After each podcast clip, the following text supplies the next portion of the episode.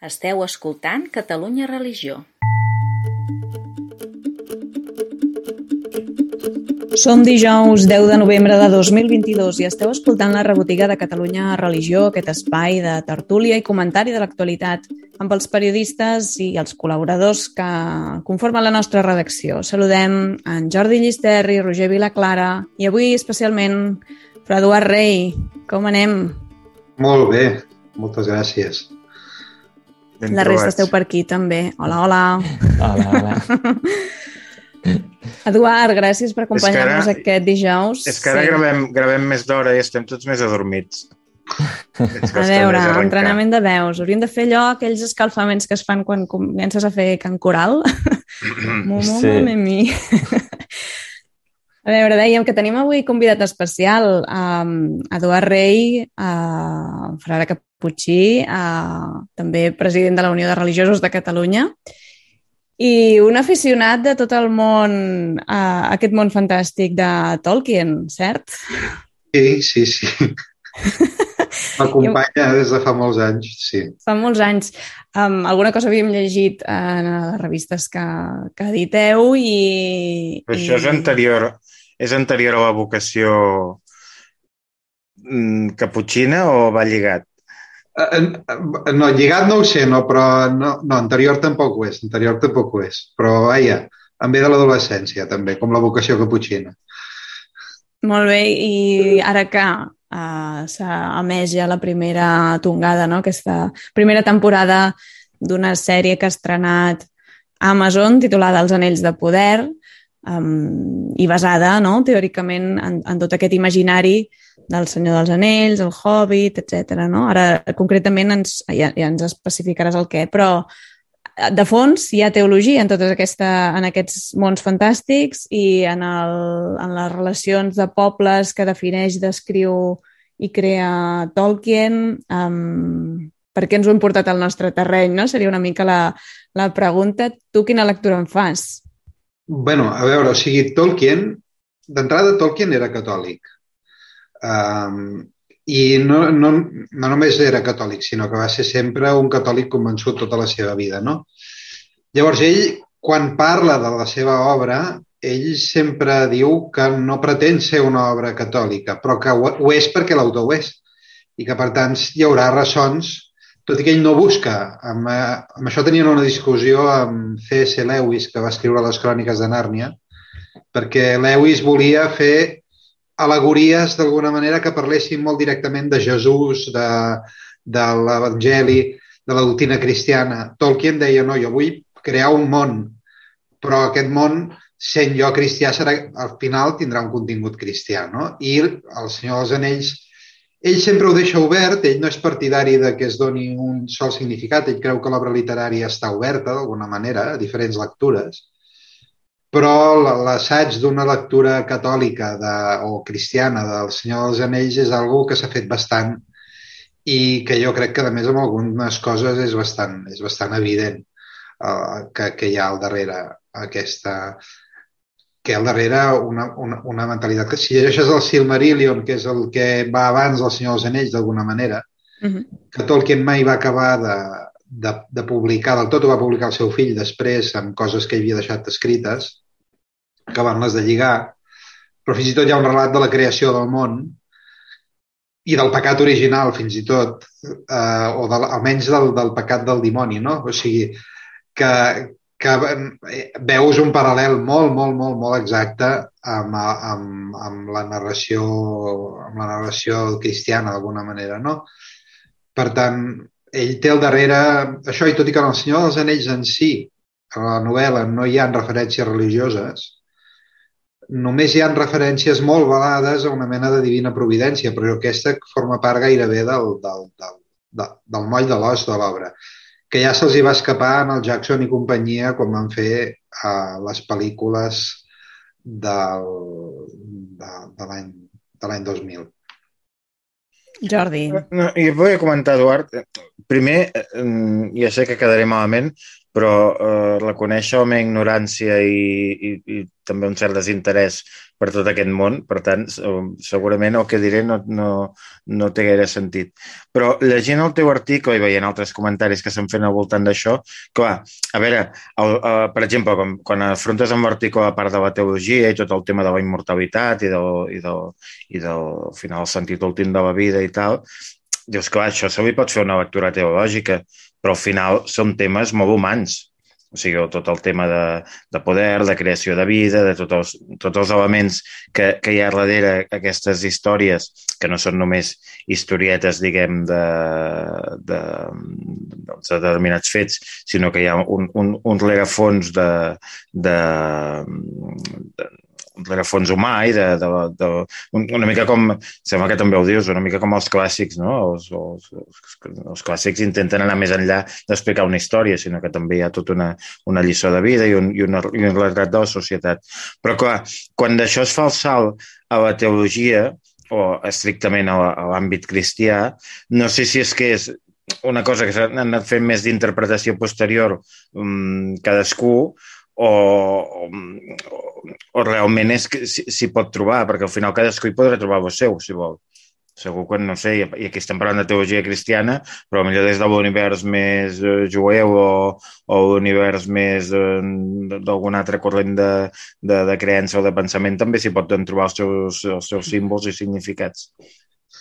A veure, en el cas concret que comento en l'article del, del tema del, del, del situar-se davant de la mort, um, aquesta mentalitat de que la mort pugui ser un do pel qual nosaltres podem sortir d'aquest món on les coses passen i caduquen i anar cap a Déu, eh, no deixa de ser una mentalitat com a mínim, com a mínim, com a mínim de les religions eh, occidentals, de, de, de, de, de cristianisme, judaïsme o islam, perquè qualsevol religió oriental i la mateixa filosofia grega et, et parlaria de reencarnacions per aquí al mig.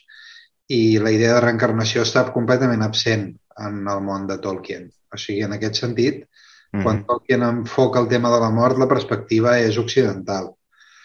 I, um, i aquesta mena de rebel·lió contra la mort jo diria que també és algo com també és algo, també és algo que té uns ressons com molt, com molt occidentals, no? Aquesta idea d'un pecat original en, pel que la persona es revela contra l'haver de morir o deixa de confiar d'alguna manera, sobretot enfocada com una falta de confiança. Si anéssim a una, si anéssim a una mentalitat més de religions orientals, el mal s'enfoca com a falta de coneixement. Uh, en aquí s'enfoca com a falta de confiança de confiança en que realment la mort em portarà alguna cosa positiva de trobar-me amb Déu, no? d'alguna manera. Per tant, aquest, en tot això estem en un àmbit mm, cristià o màxim, màxim, potser, potser musulmà, no, no ho conec lo suficient, però no podries estar en l'àmbit ni de la filosofia grega antiga, ni d'un Plató, per exemple, que creu en la reencarnació, ni del, ni, ni de les, ni d'un hinduisme, un budisme, perquè tot, totes aquestes religions i filosofies el mal el veuen més com una falta de coneixement que no com una falta de confiança. Els personatges de, de Númenor que surten en, en, en, en el Silmarillion, el coneixement el tenen, el que els hi falta és la confiança. S'assemblen una mica en aquell filòsof, em sembla que era Cioran, que deia, jo no dic que Déu no existeixi, dic que no m'enfio. Pues, mm -hmm és una, és una mica, una mica se situen en aquí. És aquí, on, és aquí on la fe cristiana situa el mal, no en una falta de coneixement. Mm. Però tu creus que el, el lector... Jordi, perdona, Perdó. segona, només per situar eh, aquest Númenor que deies, faig un parèntesi, que s'entendria com el més similar als humans, eh, Eduard? O les... A veure, no, Númenor en l'obra de Tolkien, és a dir, els homes, no, són humans, són humans, eh, són humans a totes, a totes les de la llei, però aquests humans de Númenor, és a dir, els humans en l'obra de Tolkien, en el Silmarillion, apareixen en el món en un moment de foscor, un moment en què el Morgoth, que seria l'equivalent del dimoni d'alguna manera, uh -huh. està dominant el món. Per tant, els humans neixen com tocats per aquesta foscor Però un grup d'aquests homes, en la guerra, en una gran guerra contra, el, contra Morgoth, contra el mal, es posen al costat de les forces del bé, no? Llavors, els hi concedeixen una terra a mig camí del lloc on resideixen, de les terres immortals on resideixen com els àngels, d'alguna manera, mm -hmm. és Númenor. Però ells no poden anar d'allà cap a les terres immortals. Ells només poden anar cap a les terres mortals, d'alguna manera. Númenor mateix els hi donen una vida més llarga, els hi donen més poders, però són humans i han de passar pel tràngol de la mort igual que qualsevol humà. Aclarit. Gràcies. Jordi. No, no, només apuntava que si, si, si Eduard creus que el, el lector mitjà de, del Senyor dels Anells, de Tolkien, etc. Pot, pot fer fàcilment aquesta... O sigui, la, la lectura porta aquesta reflexió i aquesta, i aquesta interpretació i, i, i aquest pas més enllà, o és molt fàcil quedar-se amb l'aventureta? O Tolkien aconsegueix precisament això, anar més enllà de l'aventureta? En, en el Silmarillion, que és on explica això de Númenor i tal, Tolkien, o sigui, aquest debat surt, surt directament, explícitament. Eh? Els, els homes es rebel·len perquè no, volen, perquè no volen morir, volen assaltar les terres immortals. I no obstant els hi diuen, els elfs els hi diuen, però si la mort és un do que us han fet, nosaltres estem aquí immortals, lligats a, a un món mortal i, i les coses que fem es van desfent abans que nosaltres, d'alguna manera. No? Recordo una vegada una entrevista en el president, en el president Pujol, ja fa anys, i li van preguntar, vostè té por de la mort? I diu, jo tinc més por d'una bellesa llarga que de la mort, va dir. Diu, perquè amb una bellesa llarga el teu món s'acaba abans que tu. I, i, I no és una mala reflexió, o sigui, la tragèdia en el món de Tolkien, la tragèdia dels elfs, que són immortals, és que viuen en un món, com que estan lligats en aquest món, viuen en un món on les coses es van acabant i ells no el que han creat, el que han fet, el que han intentat mantenir amb harmonia, amb bellesa, va envellint, va caducant, es va fent malbé mentre ells continuen, no? O sigui, uh -huh. hi ha una mena de tristesa en aquesta immortalitat. I, per tant, els elves explícitament ho diuen en els homes de, de, de, de Númenor. Els hi diuen, no ens envegeu a nosaltres, la mort és un do, vosaltres torneu cap a Déu i us n'aneu d'aquest món on les coses passen, mentre que nosaltres estem aquí lligats d'una manera dramàtica a coses que nosaltres intentem fer o volem fer o fem i que se'ns van desfent a, a, a, perquè nosaltres durem més que elles, no? Sí, Roger, digues. Eduard, et volia, volia preguntar-te, en, amb tot això que comentaves ara també de, de una mica com les diferències que pot haver-hi també entre l'obra de Tolkien i la sèrie en si, i en l'article és com que deixes molt clar no, que els Anells de Poder no han acabat d'entendre la teologia de fons de Tolkien. Volia preguntar-te, això ha estat com una primera temporada. Tu creus que en, en una segona temporada es pot com recuperar aquesta teologia de fons o què hauria de... Entenc que hi ha uns canvis que s'han fet de l'obra que, que probablement no es puguin recuperar, però què t'agradaria potser veure en una segona temporada per poder entendre, per poder veure la teologia de Tolkien? Més a veure, clarament, diguéssim. A veure si es converteixen. A, a veure, he llegit, he llegit en algun lloc que el propi, el propi Amazon ha considerat una mica que aquesta temporada ha estat un, un nyap, eh? Oh. és a dir, potser no hi ha segona temporada. Bueno, o que deien que... Que ho valoren amb, amb, amb xifres d'audiència o...? No sé exactament com ho valoren, però que no ha estat l'èxit que esperaven i que sem sembla que els que han portat endavant això o els acomiaden o els deixen en un segon plano i posen altres. Necessiten un conciliari, Eduard. Clar, Amazon necessita un conciliari que els porti Estan trigant a trucar-te. És perquè no han acabat d'entendre la teologia, o sigui, és així. El, el, a, a veure, jo el que passa és que, també ho dic en l'article aquest, no? jo el que no acabo de veure és que una història és a dir, la història que ells volen agafar, ells han volgut fer com una preqüela, eh, encara que no s'ha lligat a les pel·lícules de, del Jackson, han volgut fer com la preqüela d'aquestes pel·lícules. Per tant, explicar l'origen dels Anells del Poder. Però això, en la seva versió més extensa que jo conegui, en el Silmarillion, ocupa eh, unes 60 pàgines. Uh, D'aquí ha de sortir cinc temporades d'una sèrie de televisió. És a dir, per força han d'inventar moltíssim. Uh, I acaben inventant amb els criteris doncs, de qualsevol sèrie de, net, de Netflix o d'Amazon o del que sigui. Vull dir, acaben inventant amb uns criteris que no són els de Tolkien. Per, per força, o, o, o ha de ser algú que s'ha empapat molt de l'univers de Tolkien fins al punt de poder crear uh, i que allò respiri el seu ambient, o és molt difícil. Com ho fas amb, un, amb una història que, que Tolkien va deixar narrada d'una manera molt resumida. No, no és com el Senyor dels Anells. El Senyor dels Anells és tota una gran novel·la. Són, són sis llibres, no? Normalment en tres volums, no? Eh, eh, amb això és normal que en sortissin tres pel·lícules sense matxacar massa la, mm-hmm. el, el, el, el que ha escrit Tolkien, no? Perquè amb les pel·lícules, perdona, Eduard, aquestes imitacions que tu descrius també es produïen? Menys, molt menys. Jo, jo les pel·lícules m'han agradat hi ha concessions a lo, a lo, a lo cinematogràfic, d'alguna manera, a la necessitat... Les batalles, no? I sí, hi ha, sang i fetge. Hi ha algunes concessions en aquest sentit que, que, que jo a vegades he pensat que potser es podrien... La, la pel·lícula no hauria perdut si no s'haguessin donat. Ara, um, les pel·lícules, jo, però és que les pel·lícules treballen sobre un text molt extens i molt detallat de Tolkien. Mentre que ha les del Hobbit que es van fer després, d'un llibre d'un sol volum que, de més, és més aviat escrit pensant en un públic quasi bé mig infantil.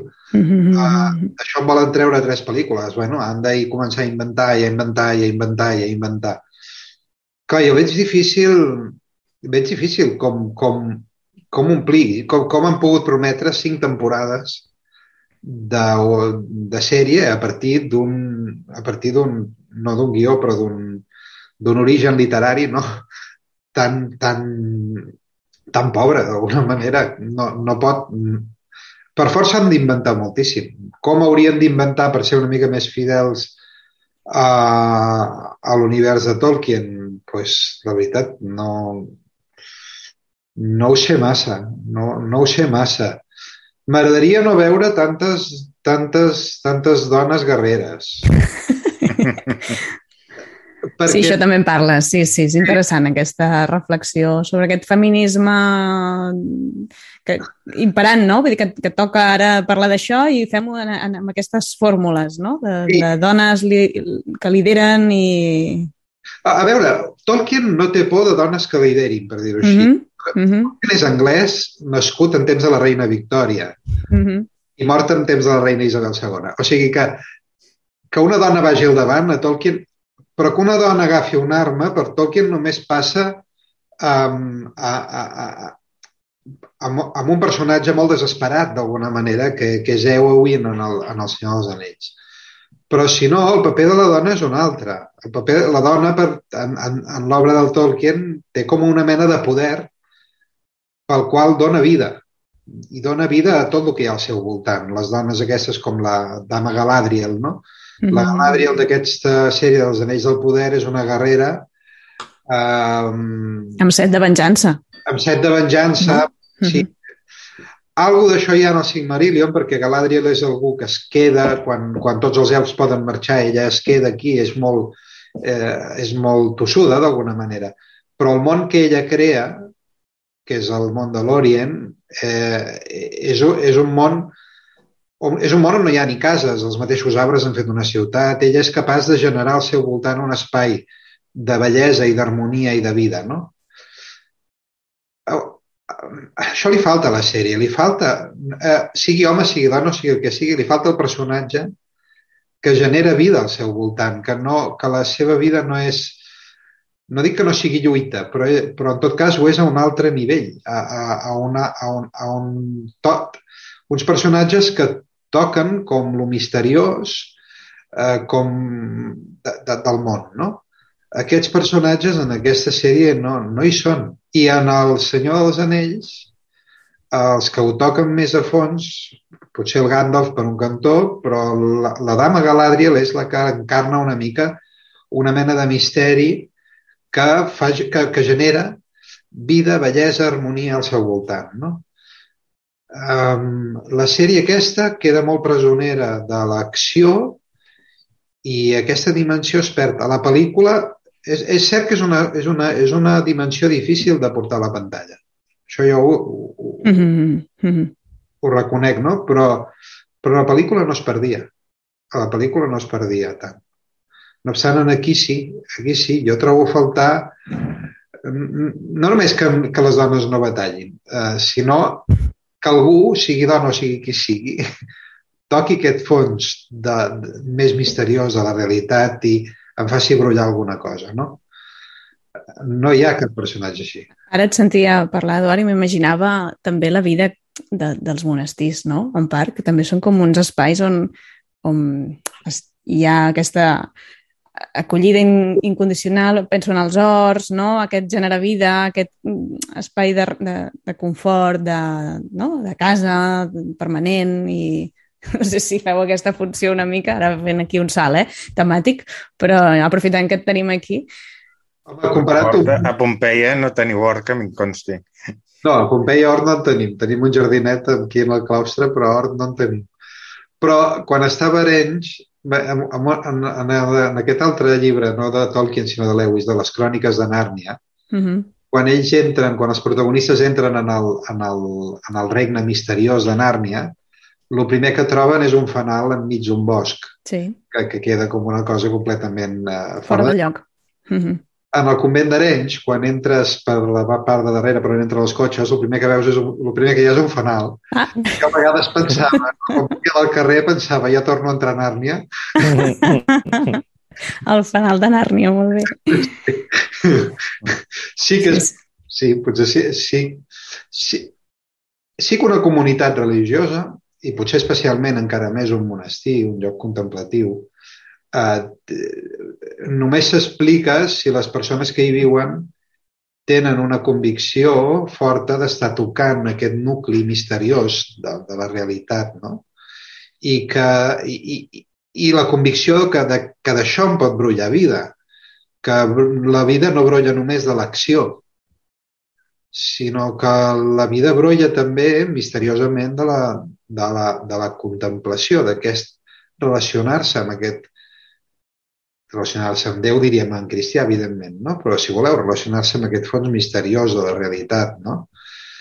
I em sembla, o sigui, en aquest sentit sí que jo crec que un monestir té alguna semblança amb...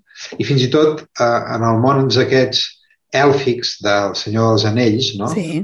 hi ha una mena de batalla eh, amagada, no una batalla amb armes, no una batalla amb accions, però sí que aquest mantenir la bellesa i l'harmonia eh, no es fa sense un esforç i no es fa sense defensar-ho. Eh? Per, amb això també, vull dir, una comunitat religiosa a vegades la gent ve a un convent i diu, no, quina pau que s'hi respira, i tu que, vius, tu que hi vius dius, conya, dic, no, no sé. Però llavors dius, bueno, és que potser eh, potser, o sigui, aquesta pau és real, però està creada perquè els que hi viuen a dintre S'ha buscat, s'ha buscat aquesta... ho estan Aquest- buscant i ho estan treballant. Per tant, mm. -hmm. a dintre és normal que no la sentin tan, tan, tan, tan, tan així palpable com el que arriba des de fora, no? Jordi, que tenies... No, és que ara quan, quan anava parlant amb l'Eduard eh, sapient precisament doncs, això que, que ara comentaves, com a persona, de, com a caputxí, com a persona de vida religiosa.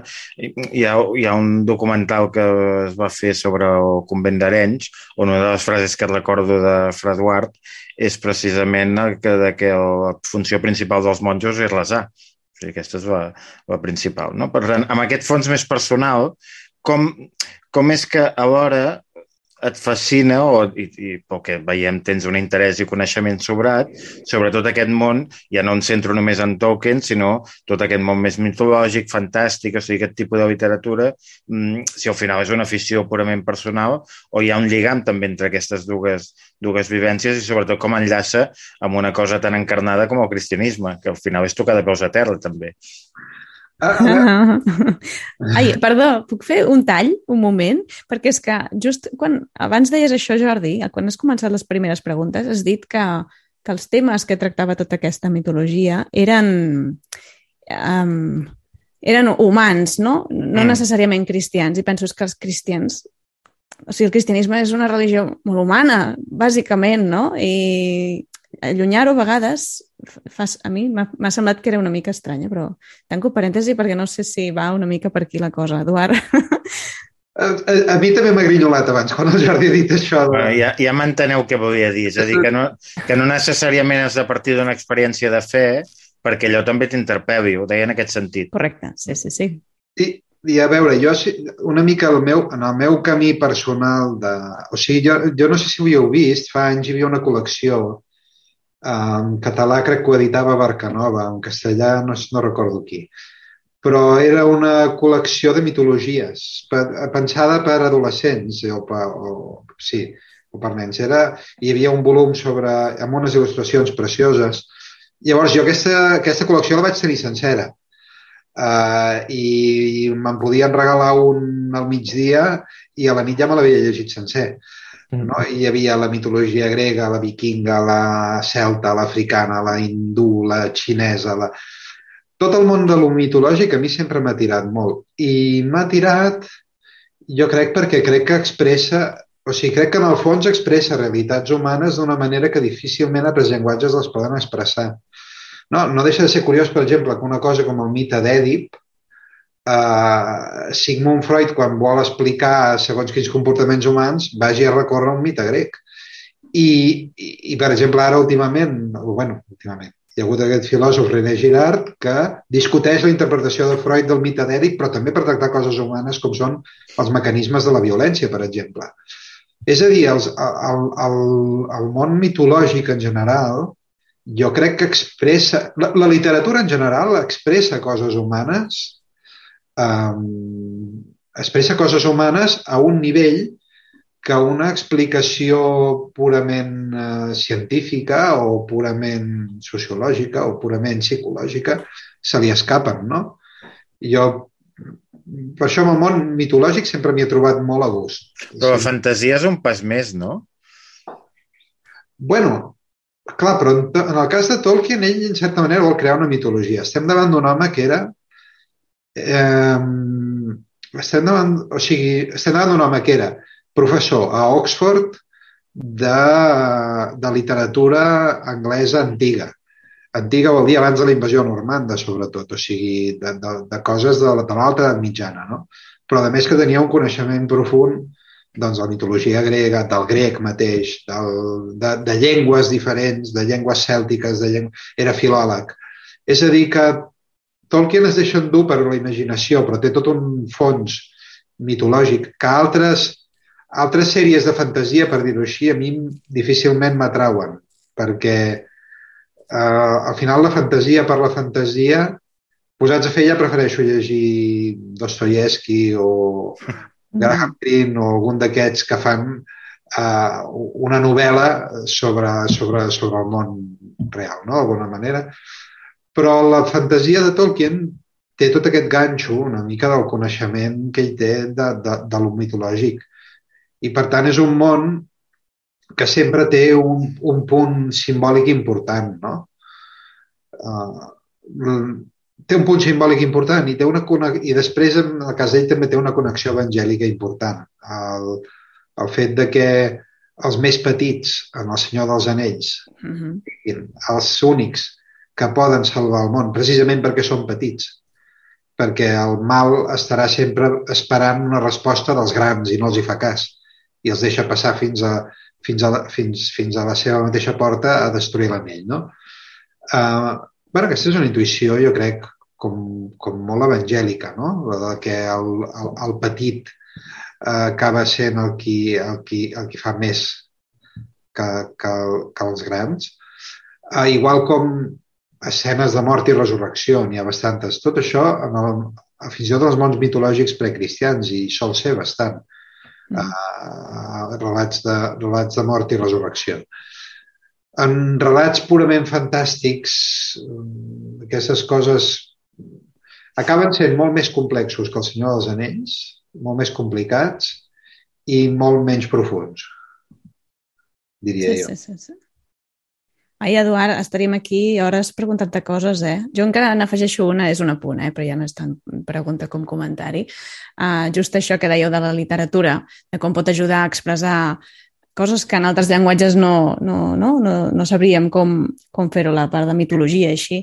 Uh, qui treballa justament en això des del món religiós també és l'escola monàstica sinclètica, que impulsen des del santuari de, ai, des del monestir, perdó, de Sant Benet de Montserrat. No? Les monges benedictines tenen una línia de, de formació online, no? són tots aquests cursos que ofereixen en diferents cicles i parteixen molt sovint el que diuen d'una perla, no? és que tu rescatis alguna obra d'art, alguna novel·la, el que sigui, no? que t'hagi tocat eh, fondament i a partir d'aquí construeixen o van a parar a la teologia, no? És com una feina de que fa, una, una eina que fa de pont, no? que ajuda a, a això, posar paraules a vegades a coses molt complexes. No? Uh, escolteu, um, bueno, hem fet que, pràcticament un monogràfic avui. Uh, potser sí que fem Són una ullada... llargs, també. Sí, um, una ullada ràpida a altres temes d'actualitat. Um, ara sí, passem del món fantàstic i mitològic al, al real i més concretament a, a, a l'escola de Sant Felip. Neri, Jordi, què ha passat aquesta setmana? Dos, dos coses a comentar, tot i que hi ha una que potser té més de, també de fantàstica que de real perquè tampoc s'acaba d'entendre. Eh, ja podeu llegir Catalunya Religió i ha sortit a tots els mitjans de que a l'escola de Sant Felip Neri de la plaça que tothom coneix que porta mm -hmm. el mateix nom al centre de Barcelona, Ciutat Vella, que passarà l'any vinent a la xarxa pública. Bé, dues coses. El, en ocasió d'aquest d'aquest canvi de titularitat, que és el, ara ja en portem 6, 7 o 8 a Barcelona d'escoles que fan aquest procés, ahir eh, certadament l'escola cristiana va fer una nota on recordava que al final això mm, no té gaire ni cap ni peus. És a dir, la situació és que les escoles concertades estan infrafinançades, no tenen el, els recursos suficients per tirar endavant, quan estan aixopogats per una xarxa més o menys gran d'escoles, de, doncs poden més o menys sostenir-ho, però quan és una escola única o petita o que no té prou recursos, doncs l'escola acaba sent senzillament econòmicament inviable. En aquest moment és quan apareix l'administració i l'administració es queda una escola que ha estat inviable perquè l'administració no hi ha abocat pels recursos i llavors hi ha d'abocar recursos per, per mantenir-la. Home, potser hagués sigut millor doncs, que hi hagués un finançament just i equitatiu entre les escoles que fan un servei públic a Catalunya i que, per tant, doncs, no, no s'hagués de relevar aquesta situació. I això, diguem que és més... Eh, fa, fa, crida més l'atenció quan, quan en el moment en què hi ha aquest procés de que una escola concertada passa a ser de titularitat pública, es presenta com un gran triomf de la humanitat. Mm, doncs, eh, escolti, una escola concertada que funcioni bé pot fer un gran servei als pares i una escola pública que funcioni bé doncs, també pot fer un gran servei als pares i als alumnes. I, en canvi, doncs, el fet únic de canviar de titularitat no, no hauria de portar, de portar cap, cap, cap canvi si les coses fessin com Déu mana. Aquest és un aspecte. No sé, de, sí, no, no, no, que això que deies de, de que es facin com Déu mana, en principi, bueno, en principi i en final, uh, totes les escoles responen a unes programacions oficials, hi ha uns estàndards de qualitat, hi ha mm. un seguiment no, de les coses de les que ha, ha d'aprendre un alumne en el seu període d'escolarització. Per tant, si compleixes això, diguéssim, que si això es ven com un triomf, té més de càrrega ideològica, bueno, ara en parlarem, eh, però... No, i l'accent que posava la nota de la Fundació d'Escoles Cristianes, en el sentit de que, de que es perd una escola d'iniciativa social, i quan passa això, senzillament es perd pluralitat perquè aquí també hi ha una foto molt d'escola concertada, escola religiosa, i escola cristiana concertada, i escola d'iniciativa de cooperatives de pares, i escoles de, de fundacions amb un determinat doncs, tarannà, potser, per exemple, d'un perfil més catalanista, etc. Sí, sí. Vull dir que mata això, jo crec que és matar la pluralitat de, de, del país, i això no, no, no és bo.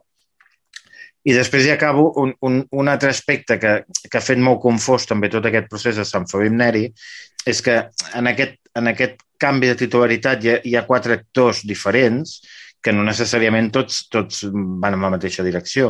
És a dir, hi ha d'una banda la comunitat educativa, bàsicament pares i, i professors, que ja feia temps que ells volien fer aquest, aquest canvi i no se sentien vinculats, diguem, a la, a la tradició de l'escola cristiana. Hi ha la titularitat que era fins a aquest moment d'una fundació cesana que coneixent aquesta situació i perquè econòmicament no podia afrontar-la, doncs no posava cap inconvenient en què hi hagués aquest procés hi ha l'administració que ha de solucionar això, però ara és una escola que està en un edifici que és d'una congregació religiosa que també doncs, vull vetllar perquè el, el, el que es fes allà doncs, eh, tingui sentit dintre aquell edifici. I llavors hi ha un problema amb les instal·lacions, que l'edifici és molt antic, no està adaptat, eh, falten espais, llavors mm -hmm. provisionalment ocupaven espais d'un altre edifici que els religiosos volen per unes altres finalitats i aquí hi ha hagut tota una sèrie d'estira i arronsa i en la, en la notícia que podeu llegir més detall a Catalunya Religió, una de les coses que és, més, que és la part aquesta més fantàstica o, o sorprenent de tot aquest procés és que s'anuncia amb l'alcaldessa i el conseller d'Educació que això ja està fet i que l'any que ve serà pública, quan el tema dels locals no està tancat. Mm, bueno, suposo que a veure, també la mateixa congregació religiosa, o en aquest cas l'oratori de Sant Fabi Nerins, i que ells no tenen cap inconvenient arribar a un acord i que això se solucioni. Però, però bé, també estan a casa seva, per tant no els hi poden ordenar de dir, no, mira, això ho farem així això. S'ha d'arribar a un acord i aquesta voluntat hi és i, i una part de l'acord ja està fet, però hi ha coses que encara no estan... Bueno, una cosa tan simple que no estan signades. I tu pots haver arribat a un acord, però tots ho sabem, no?, que fins en coses, coses d'aquest tipus fins que no vas al notari, diguem, les coses no estan... O sigui, tu dius, sí, hi llogarem, hi farem tal, però fins que no signes un contracte, allò no és una realitat. I a data d'avui, o a data d'ahir, no sé si avui això ha canviat, eh, aquest tema continua obert. Bueno, motiu de més per pensar que això és dic, una qüestió política no? de, i de, de campanya política d'una línia concreta del Departament d'Educació que, que veu com això, com deies al principi, un triomf d'anar d'anar matant la, la iniciativa de, de, de la societat, no? que en el seu moment va engegar d'una manera, doncs si, si són pares que hi ha darrere, qui sigui. Um, bé, no sé, n'hem parlat totes vegades. Eh? És, per mi és, és preocupant que la, la línia de pensament únic, no? diguéssim, que, que pot haver-hi darrere, Mm, més enllà d'això, mm, bueno, en fi, hi ha, hi ha, no, hi ha diferents escenaris analitzats. Ara, ara ho posarem una mica en una trampa, eh? però aprofitant la presència de l'Eduard, mm. ja sé que no es tracta de comentar aquest cas concret perquè segurament tampoc l'has anat seguint, però sí una mica com es viu tot aquest procés ja no parlo fins i tot de la titularitat en el sentit més legal del terme, sinó des de la vida religiosa, és a dir, de, des d'unes unes institucions amb unes persones doncs, que durant molts anys han tirat una tasca educativa en gent i que per diversos motius ara veuen doncs, que potser no es pot fer de la mateixa manera. Jo diria que a nivell de la vida, de la vida religiosa hi ha una inquietud forta, perquè, perquè és això, no? es percep una mena de eh, contra l'escola concertada i més en concret la catòlica. Per tant, això per un cantó. I per l'altre, les, les escoles religioses han fet tot un procés d'adaptació en moltíssimes coses, o sigui, mm, moltes, en moltes d'elles els directors ja, són, ja no són religiosos, els religiosos han anat agafant un paper doncs, integrat dintre d'un quadre molt més ample, no? Per tant, després de tots aquests esforços i de tota aquesta voluntat d'estar de, de, actualitzats que l'escola cristiana doncs, ha tingut i ha, ha mantingut i a la que ha dedicat molts esforços, que, des, que llavors se't tracti una mica doncs, sempre des dels mateixos tòpics i des de les mateixes idees preconcebudes que millor fins i tot no han estat veritat mai, no ho sé, però eh, el cas és que eh, això, això també és frustrant, no?, d'alguna manera. O sigui, trobes al davant, eh, segons com en el diàleg, una paret, una paret de prejudicis no sé, jo, si he de parlar jo personalment, jo la meva sensació és que hi han representants democràtics que amaguen eh, un esperit totalitari. i que sí, eh, jo és el que veig, volen controlar exclusivament des de l'aparell de l'Estat la formació de, de, de, la formació de les, de, de, de les noves generacions. Uh, això és sa, no és sa? Bueno, no sé. Um, això és autènticament democràtic, aquest esperit? No ho sé, no sé fins a quin punt. Uh, per tant, jo el que llegeixo al darrere és això, déu nhi Eduard. Sí, jo crec ah. que després d'aquesta contundència ja no, no, no tenim res, res més a comentar. Sembla que canviarem el titular de la rebotiga sí. avui. És que vam convidar l'Eduard perquè ens digui això. No? Ai. Tolkien era l'excusa, no? Sí, exacte. vine, vine, Eduard, que parlarem de Tolkien. No, escolta, no, bueno... Um, si vols, ara ens posem amb la lleis trans, la perspectiva de gènere i podem anar seguint amb tots aquests temes espinosos. Talla, talla, anem... Uh, Roger, escolta, sí. fes-nos uh, una... ens reculls quins són els articles més llegits de la setmana i amb això anirem tancant. Sí, aquesta setmana l'article més llegit que tenim és l'entrevista a l'Abat de Poblet que, que vam publicar la setmana passada sobre el capítol general de l'Orde Cistercenc, que en vam parlar a la rebotiga de la setmana passada, o sigui que si voleu sentir la conversa, doncs ho trobareu al nostre web. En segon lloc, hi tenim l'entrevista que vam fer a la primera rabina catalana, Irene Muzas. És una entrevista en què després de, de que aquesta notícia doncs, ha sortit a, a molts mitjans i ha estat molt mediàtica, no? doncs nosaltres amb ella parlem una mica de, de com, ha anat, com, com ha anat aquesta notícia, diguéssim, el motiu pel qual es va ordenar i, i també una mica el paper de la dona en les religions. En tercer lloc, hi tenim la notícia sobre que la Sagrada Família col·loca les peces finals de les torres dels evangelistes. En quart lloc, hi tenim la notícia que Miqui Núñez actuarà al Festival Cristià Canòlic Music. I en cinquè lloc, hi tenim l'article que, que ens va fer l'Eduard sobre la teologia i els anells de poder de Tolkien. Molt rebé. Um, res, només un apunt de tot això. Us sembla que comentem ràpidament el, aquesta nova edició, la desena del Festival Canòlic Music que se celebra a Andorra a la segona quinzena de novembre. Va, de fet, no, perdó, la setmana vinent. Això és una setmana. Mm. Um, i que es fa eh, complementàriament o de, de, de bracet amb la delegació d'ensenyament d'aquest bisbat perquè implica tots els no, joves adolescents de les escoles i, i en aquest cas doncs, amb, amb un cantant eh, ben conegut, Miqui Núñez. Roger, tu hi vas parlar? No, no amb el no, Miqui? Núñez, no, sí, amb el Miqui no. amb qui has parlat? Amb qui has parlat? No, vaig parlar amb el delegat d'ensenyament del Bisbat d'Urgell, que és Pepe Xisbert, i una mica això es va presentar aquesta setmana al, al, al festival i la sorpresa era una mica doncs, que, que hi actuava el Miqui Núñez, que d'entrada doncs, potser no, no ens esperàvem sense desmereixer tampoc la resta d'artistes que hi participen. I, i bé, ell també en, en la conversa que teníem ens explicava una mica que aquest any doncs, havien volgut proposar un cartell molt engrescador, que, que apropés molt als joves, que realment ja ho fan cada any perquè mm -hmm. és un festival destinat a, als estudiants, però com que potser hi posaven una mica més aquest accent i havien fet aquest com esforç per portar el Miqui Núñez en aquest sentit, no? i ell també valorava una mica que al final els cantants que hi anaven no? doncs tots tenien un gran vincle amb l'educació, en concret el Miqui Núñez també té un vincle amb, amb el lleure, amb l'educació en el lleure, i, i ell deia doncs, que també per això era, era una, una proposta que creien que era interessant, no? que al final parlava de, de que el festival la idea que té és transmetre valors cristians, que és una que, que doncs, les, la música que fan aquests artistes doncs, pot fer sens dubte. I, I una mica això també posava l'accent en, en aquesta desena edició, que és un aniversari important per ells, i, i, i bé, una mica, una mica això, no diguéssim.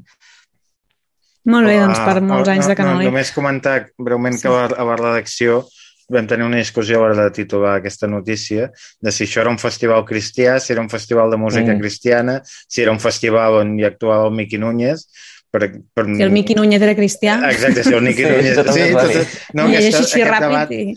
aquest Què debat estàs el dient, vam no? tenir per, i, i una mica la conclusió. I llavors vam dir, escolta, anem a mirar a la web com es presenten ells, no cal que donem més voltes. Però Mm. dèiem, clar, un, un festival que organitza una parròquia d'Andorra amb, el, amb el bisbat i tot això, home, més cristià que, i que hi ha una missa durant el festival, més cristià que això no, no suposem que no es pot ser.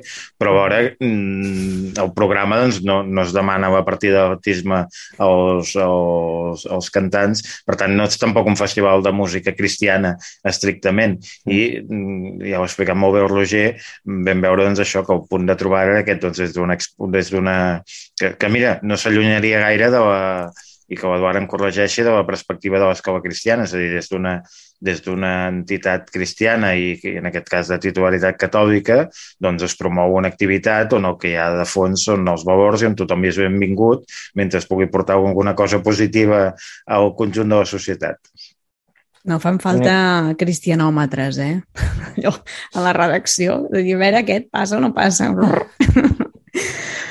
A mi, perdoneu, eh, de, de, de, eh, res, un Sí, sí, apunt, però de, de la conversa amb el Pepe Xisbert, també, ara que ja estava, o sigui, l'estava recordant, diguéssim, també em va agradar com ell, l'accent que va posar molt en els joves, que és el que hem dit, eh, que el festival sempre ha anat destinat als joves i que, i que no és una novetat d'enguany, no? però que ell insistia molt també en que, a part de ser els destinataris o ser els protagonistes, no? doncs també formen part de l'organització des, de, des del moment zero, no? amb, com doncs, fan com amb una comissió de joves i llavors són els mateixos joves els qui proposen idees, els qui organitzen això, juntament amb, amb, amb la resta d'organitzadors, però vull dir, bueno, això també m'agradava com que el fet de que des de, des de l'organització també es fes des dels joves. Ja està, només volia apuntar això. Sí, Els aquests- caputxins van a Mm. festivals i concerts o només toquen la música sacra? Els caputxins cantem tota mena de coses, però a la dutxa. I... Ai, senyor. Ah, no sé què anava a dir ara i em havia despistat. Um, Anàvem acabant. ja estàvem, estàvem tancant, sí, algú del festival, bé, és igual. Uh, en tot cas, bueno, gràcies, gràcies, Fra Eduard Rei, per acompanyar-nos en aquesta rebotiga de... I què canteu a la dutxa, dius? Els càntics del Hobbit, Ai, per favor. allò, quan estan tots animats amb la No, cervesa. no està establerta la regla, això, es deixa la llibertat de cada un. Aquí, aquí no en som de totalitari. Tira, tira. Uh, gràcies, Eduard, gràcies, uh, Roger Vilaclara, Jordi Llisterri s'acomiada també fins la setmana vinent una servidora, Laura Mol. Fins aviat. A veure... Adéu. Adéu, gràcies.